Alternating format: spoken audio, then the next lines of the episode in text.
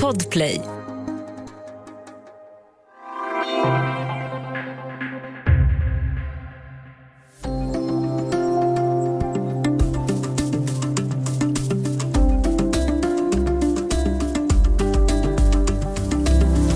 Under 74 dagar lyckades Europol hålla hemligt att de lyckats ta sig in i krypterade Encrochat som användes av kriminella nätverk i hela Europa. Resultatet av avlyssningen har blivit hundratals tillslag, gripanden och åtal mot hittills över 800 personer. Men är avlyssningen olaglig i Sverige? Välkommen till Studio DN. Jag heter Aminata Grutt.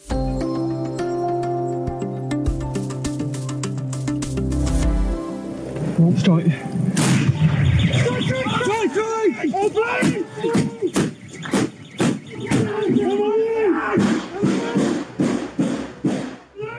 Ja, så här lät det under ett tillslag i Storbritannien, ett av de som blev följden av det som avslöjades i Encrochat.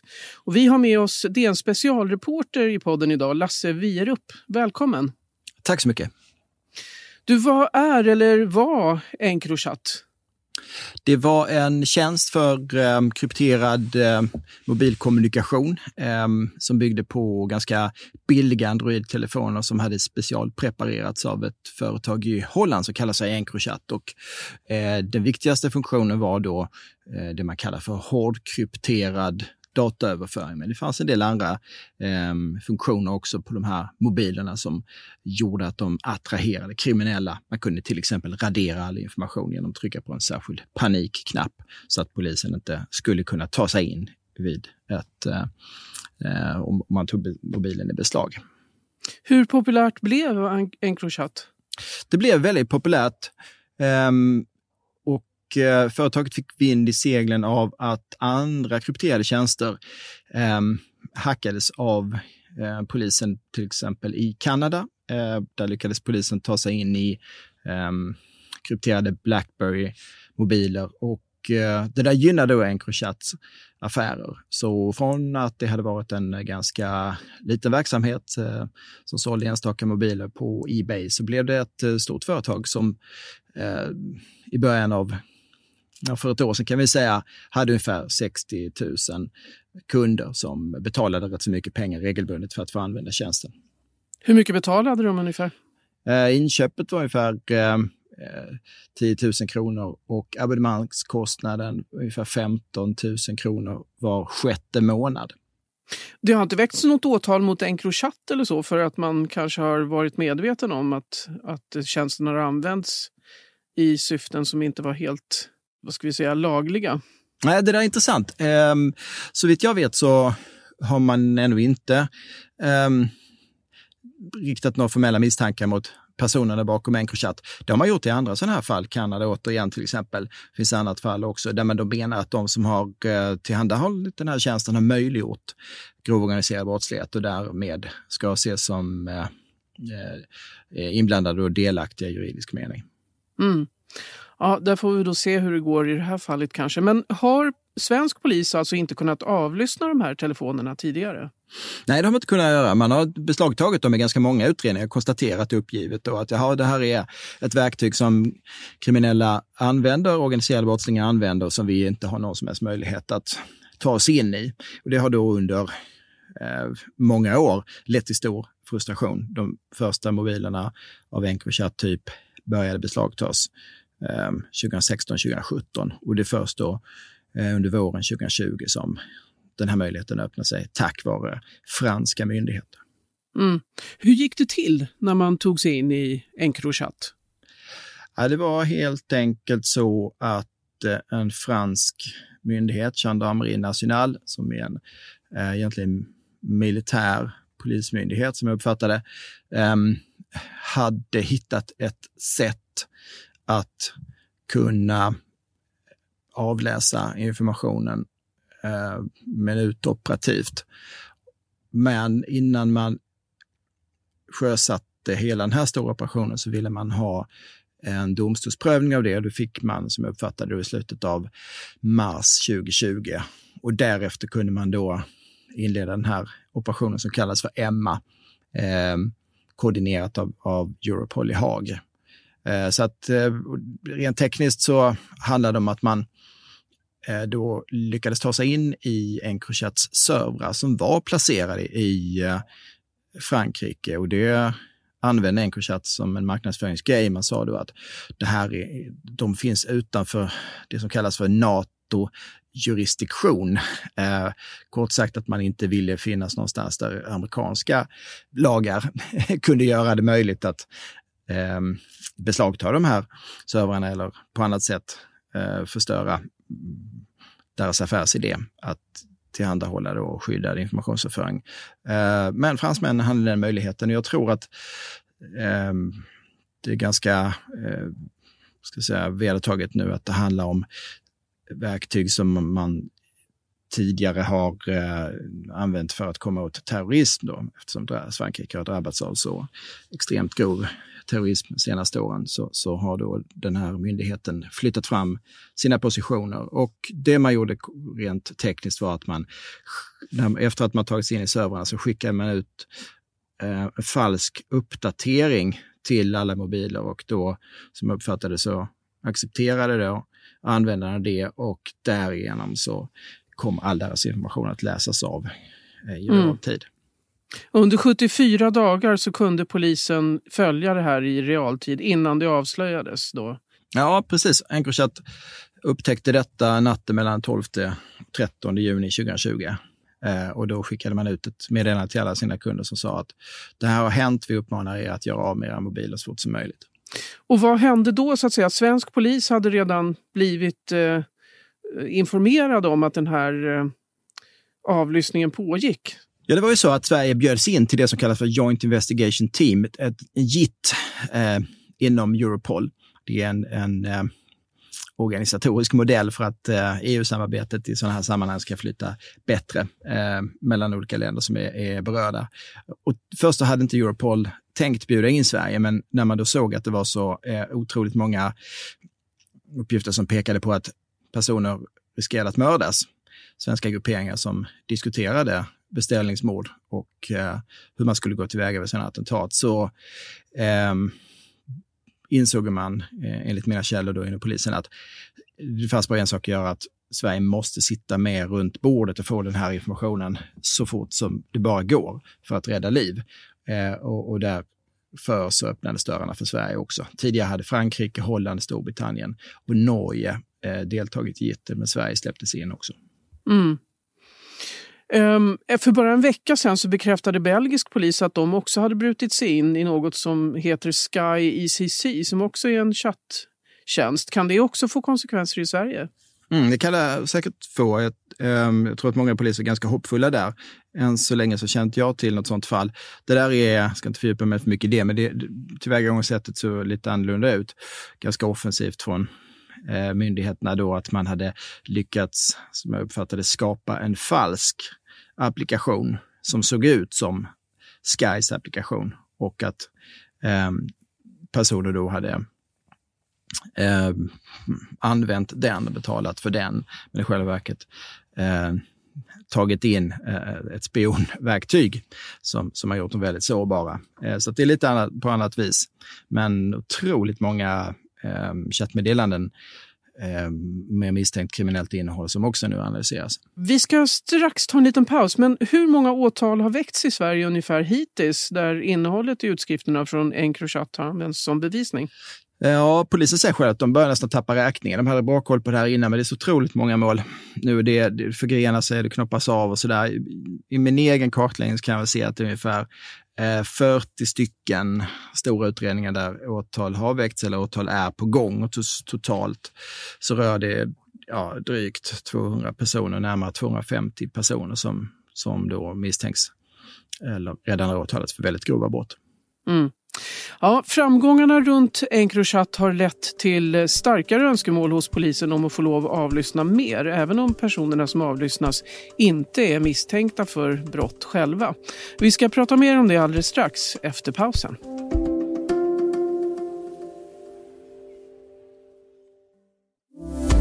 Människor som inte ännu ingår i någon brottsutredning utan människor som går att på ett tydligt sätt koppla till den här typen av gängkriminalitet och allvarliga våldsbrott. Ja, den ni hörde prata här det var Mats Löving, biträdande rikspolischef i en intervju med Sveriges Radio från september förra året. Och Det handlar alltså om vilken kategori människor man vill kunna avlyssna mer. Eh, vi har med oss DN specialreporter Lasse Wierup i studion här för Studio DN.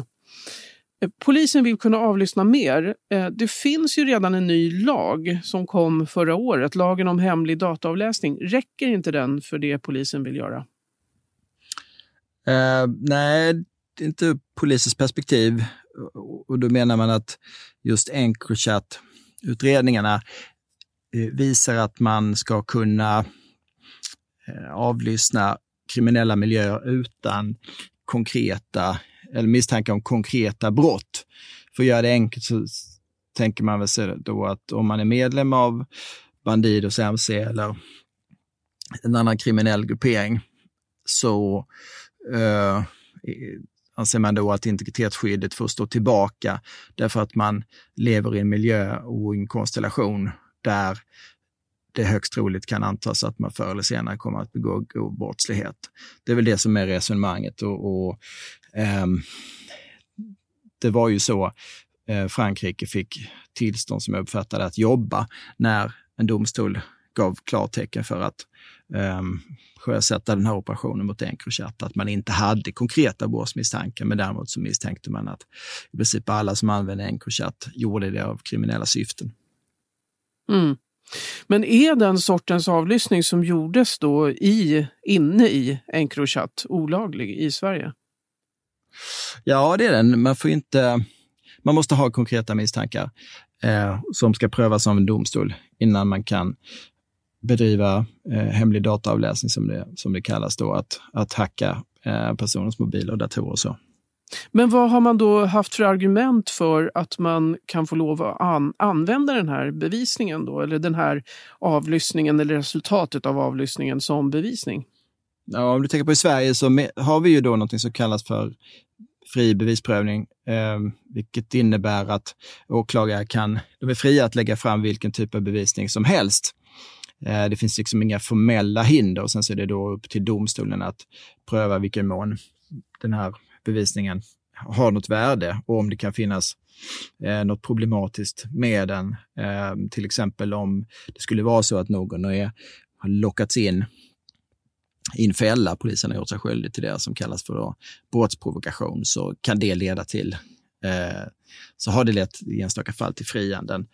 Men till skillnad från ett land till exempel som Storbritannien, där det är så att det finns ett förbud mot att använda avlyssning som bevis i rättegången så har Sverige ganska då långt, svenska åklagare en långtgående möjlighet att använda egentligen vilken bevisning som helst. Och det är därför man kan använda den här, trots att fransk polis har eh, samlat den här bevisningen med ett lagstöd som inte finns i Sverige.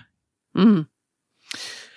Ja, eh, när det gäller en Encrochat så är man ju dock då inte överens om hur det som har kommit fram i avlyssningen får användas. Så här säger en av försvarsadvokaterna till de som har åtalats i Sverige. Här handlar det ju om närmast en urskillningslös massavläsning av ett stort antal personer som överhuvudtaget inte var misstänkta för brott vid den här tidpunkten.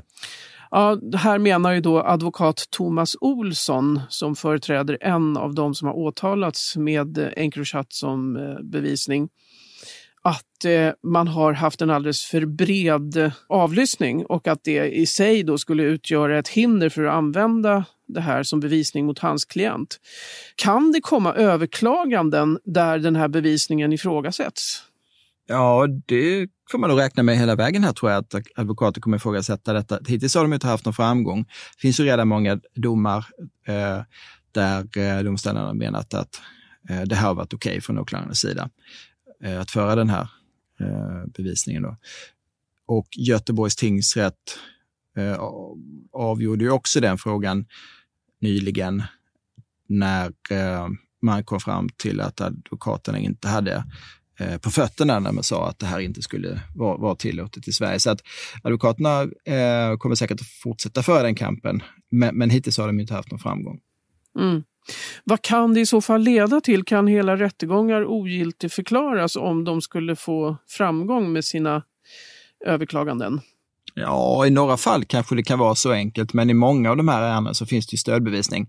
Eh, Encrochat-uppgiften är bara en del eh, av bevismaterialet. Man har kunnat kontrollera väldigt mycket annat med hjälp av de här uppgifterna, platser och tider och eh, tillvägagångssätt och sådär.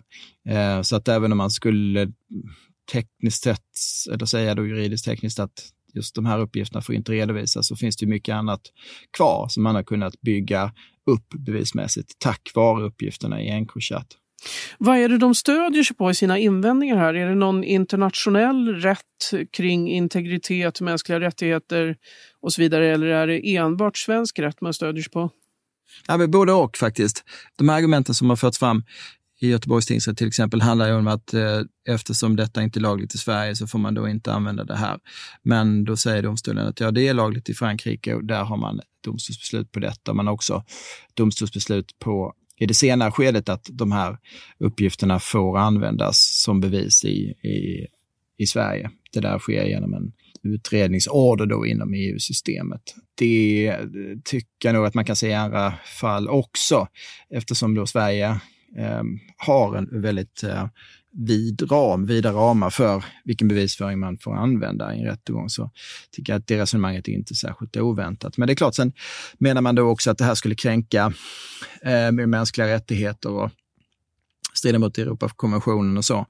Eh, och det är väl en prövning som kanske också kommer att ske eh, inom kort här. Jag vet ju att eh, advokater som är försvarare i det här stora målet i Stockholm, eh, i Vårbynätverksmålet, eh, stämpling till mord och ja, grova narkotikabrott, rån och människorov och allt möjligt, eh, kommer att prövas nästa vecka. Och där kan man ju tänka sig att de argumenten som rör med och mänskliga rättigheter och, och så kommer att, kommer att tas, läggas på bordet av advokaterna. Mm. Ja, vad säger du, blir det avgörande för eh, svenskt polisiärt arbete framåt hur det går i den här diskussionen? Eller det kanske, vi kanske redan nu har eh, fått se så pass mycket framgångar för deras arbete då att det blir svårt att, att backa, eller? Ja, som sagt, det finns ju redan rätt så många domstolsavgöranden och personer har hållits häktade under väldigt långa tider med stöd av de här bevisen. Och, och där har ju domstolarna också gjort en prövning eh, mängder av häktningsförhandlingar. Så att eh, ja, det skulle nog till någonting väldigt avgörande för att man plötsligt skulle säga att nej, det här får man inte använda. Eller att det skulle bli resningsgrundande, att man får riva upp alla de här domarna. Och som sagt, det är ju i många fall också så komplicerat att det är inte bara är Encrochat-material. Men eh, om man eh, ska säga, lämna den frågan lite grann så kan man ju definitivt säga att det här är nog den enskilt största framgången som svensk polis har haft i modern tid när det gäller att nå de styrande inom den organiserade brottsligheten. Tack vare att det har då varit så dyrt att använda den här tjänsten så är det de personerna högre upp i näringskedjan som har haft Encrochat och använt det eh, för brott av dignitet. Det är inte springpojkar vanligtvis. Eh, utan det här är, det är liksom toppskiktet och det gör ju också då att man får insyn i, i planering och i finansiering och i strategiska beslut och, och ja, ska säga, konflikter och eh, allianser och allting. Man får plötsligt facit till den här växande eh, miljön i, som har kommit att utmärka Sverige när det gäller just grov våldsbrottslighet och en exploderande narkotikahantering och eh, ett ska säga, skapande av ett våldskapital som, som väldigt många grupperingar har kunnat använda. Eh, så att det är ju en, nästintill en eufori får man väl säga på många håll inom polisen, även om utredningsenheterna är, är, går på knäna för att kämpa med att eh, ja, få klart alla de här utredningarna i, dem, i tid. Ja, rättsapparaten är inte riktigt dimensionerad för det här antalet åtal kan man tänka sig. Nej, det är ju naturligtvis en jättestor arbetsbörda, men, men de poliser och åklagare som jobbar med det här går in eh, i det med liv och lust förstås. Mm. Ja, och fler åtal kan det bli i takt med att eh, fler tjänster avkrypteras eller rättare sagt att eh, man lyckas eh, ta sig in i dem. tack så jättemycket för att du var med i podden, Lasse Wierup. Tack så mycket. Studio DN görs för Podplay av producent Madeleine Longo, exekutiv producent Augustin Erba, ljudtekniker Patrik Miesenberger, teknik Oliver Bergman, Bauer Media och jag heter Aminata Grutt.